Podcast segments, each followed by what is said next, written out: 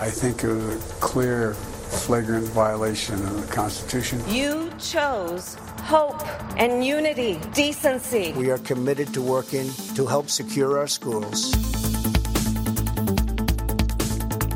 A partir del mes de setembre veurem Lídia Heredia a l'altra banda de l'Atlàntic. Després de 8 anys als matins de TV3, Heredia es converteix en la corresponsal que explicarà en català què passa a l'altra banda del món a la televisió. Ara dec ser jo el primer que diu allò de Washington, Lídia Heredia, bon dia.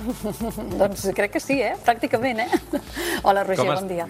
Com estàs, Lídia? Uh, ets a Washington i això és notícia perquè, clar, que aquesta fa dos dies sabíem la notícia i tu ja ens saludes des d'allà, pràcticament.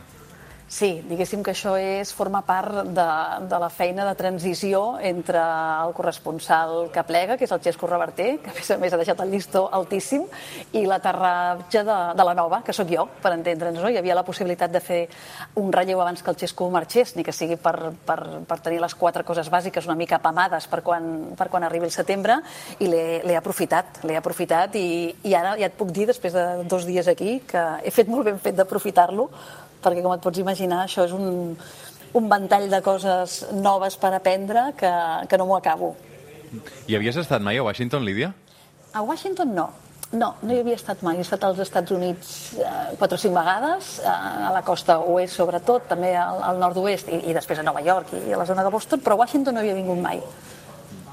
I, i, I què és el que més t'ha sorprès de- així d'entrada? Perquè, clar, això més enllà d'una feina que hauràs de fer que és molt intensa, això ha de ser casa teva pels propers anys. Vull dir que aquí has de trobar un habitatge, mm, entenc que t'hi has d'emportar la família, t'has de construir una nova vida, no? Doncs una mica sí, i això és de les coses que, que més vertigen fa, però que alhora eh, més atractiva fa aquesta etapa que, que estem a punt de començar. No?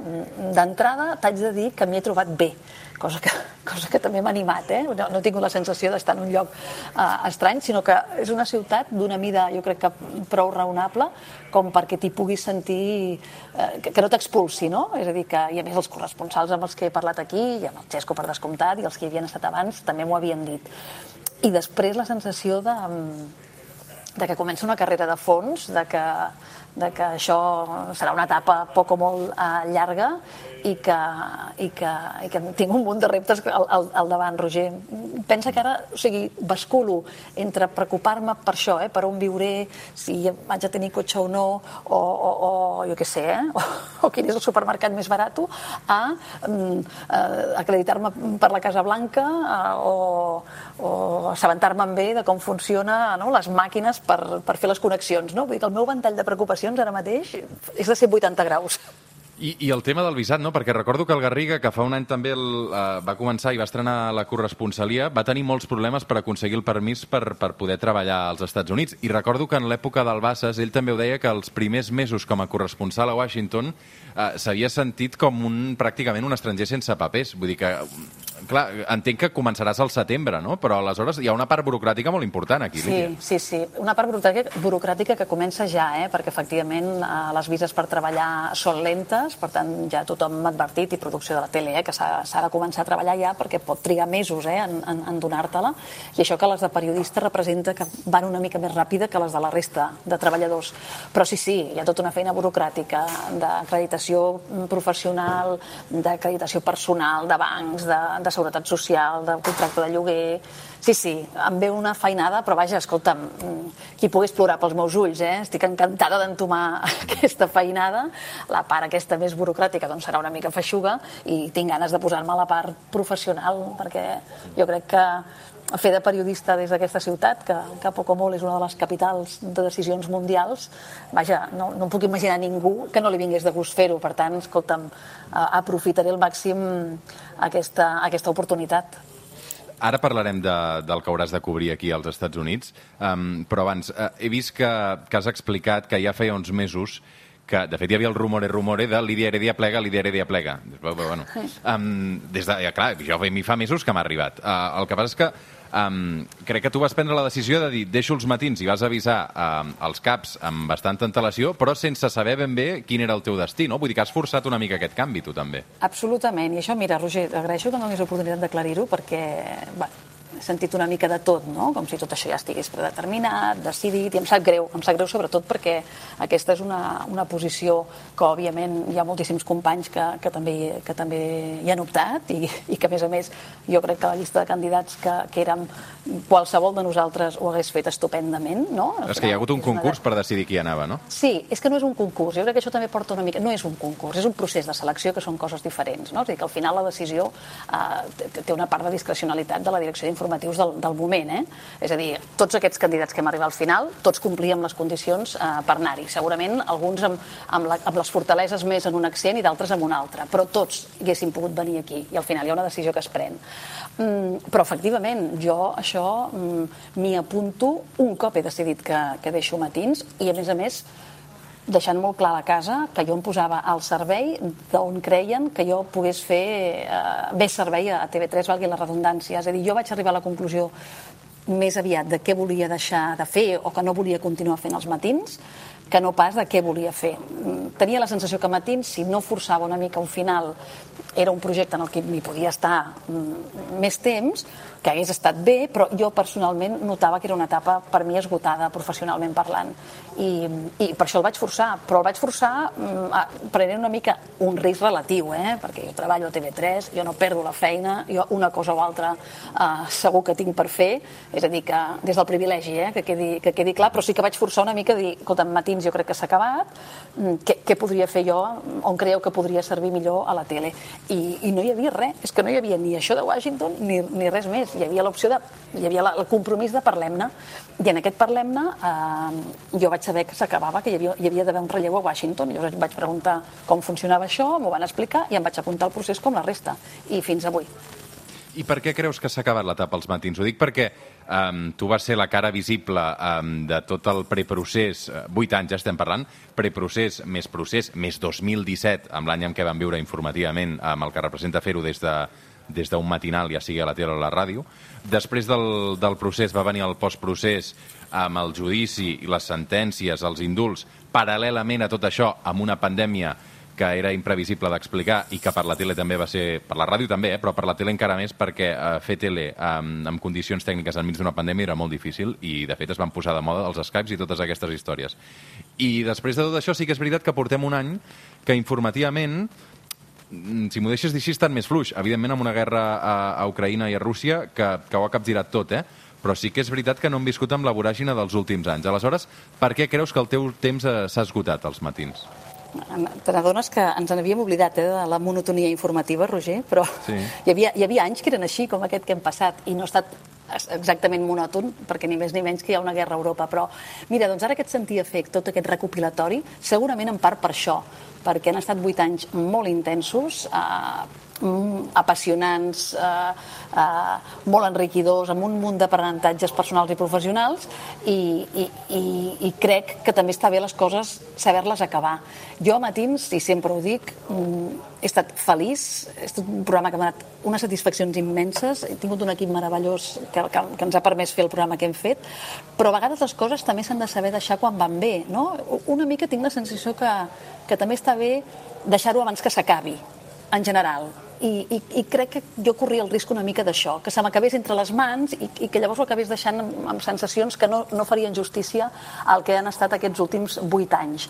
Per tant, en aquest sentit, mm, prenc la decisió allò de, de, de posar-hi punt i final dient, escolta'm, fins i tot políticament té un sentit deixar-ho ara, no? pel, pel, pel recordatori que tu feies de, de què passava quan jo vaig començar. No?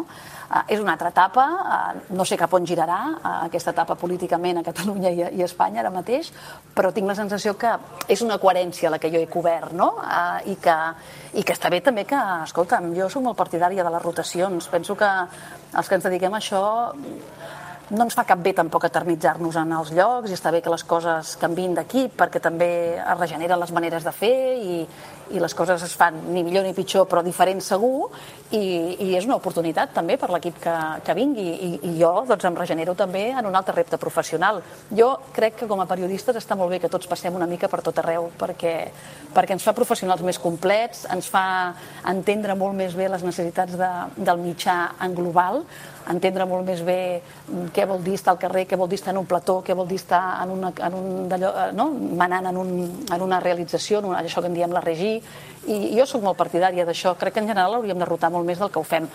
Està molt bé especialitzar-se, eh? però bueno, jo crec que 8 anys fent aquest programa ja pràcticament és una especialització. Ara, als Estats Units, de moment hi espera Joe Biden. Um, el que passa és que, clar, mm, fins fa quatre dies hi havia Donald Trump. No sé si et sap una mica de greu no haver pogut uh, cobrir el, el mandat de Donald Trump perquè, evidentment, um, més enllà del, del personatge i les, de les desgràcies que ha comportat, uh, informativament tenia un atractiu molt llaminer, no?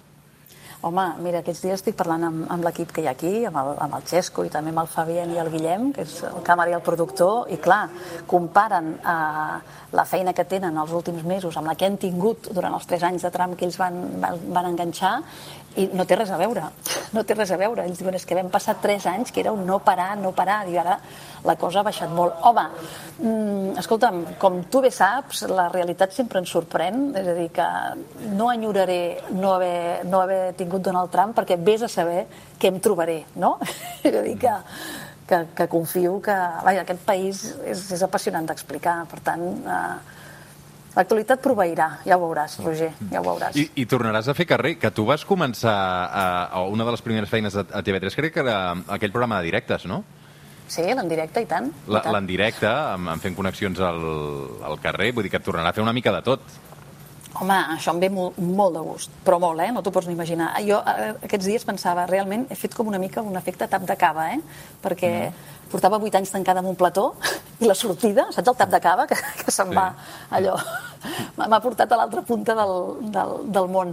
Uh, bueno, és que, a veure, l'essència del periodisme és bastant aquesta, no? Ser el lloc on passen les coses i explicar-les que en aquests moments això em toqui a mi fer-ho uh, des de Washington és un, ostres, és un, és un carmel que, que penso devorar i degustar i, i- i posar-hi el, el coll i, i posar-hi el cor i el cap i el, i el que faci falta.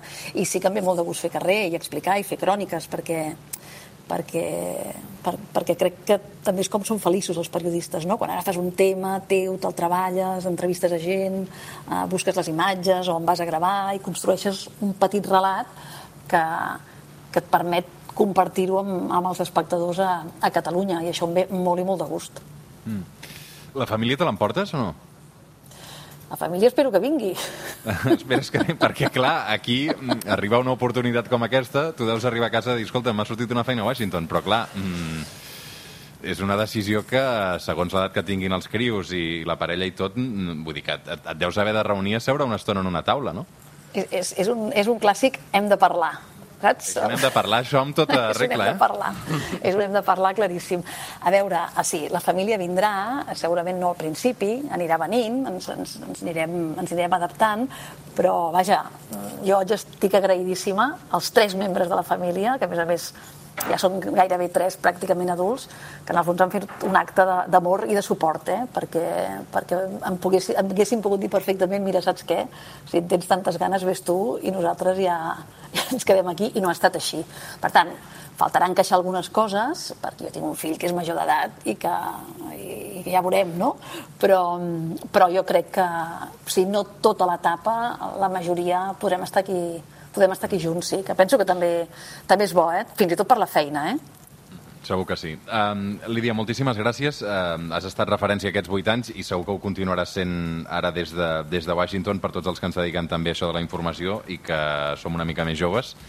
I moltíssima sort en aquesta nova etapa. Molta sort també amb el tema de la visa, perquè el Garriga... Hi deus haver coincidit ja per aquí amb el Garriga, eh? Home, el Garriga s'ha convertit en el meu coach personal, ja. Diguéssim que qualsevol dubte que tinc és consultat entre el Xesco, el Garriga, l'equip. Eh, hi ha com, jo crec que ja fem un grup de WhatsApp de coses que has de saber abans d'aterrar a Washington. Molta sort, Lídia, i moltes gràcies. Gràcies a vosaltres, una abraçada. El suplement. Ràdio amb esperit de cap de setmana. Amb Roger Escapa.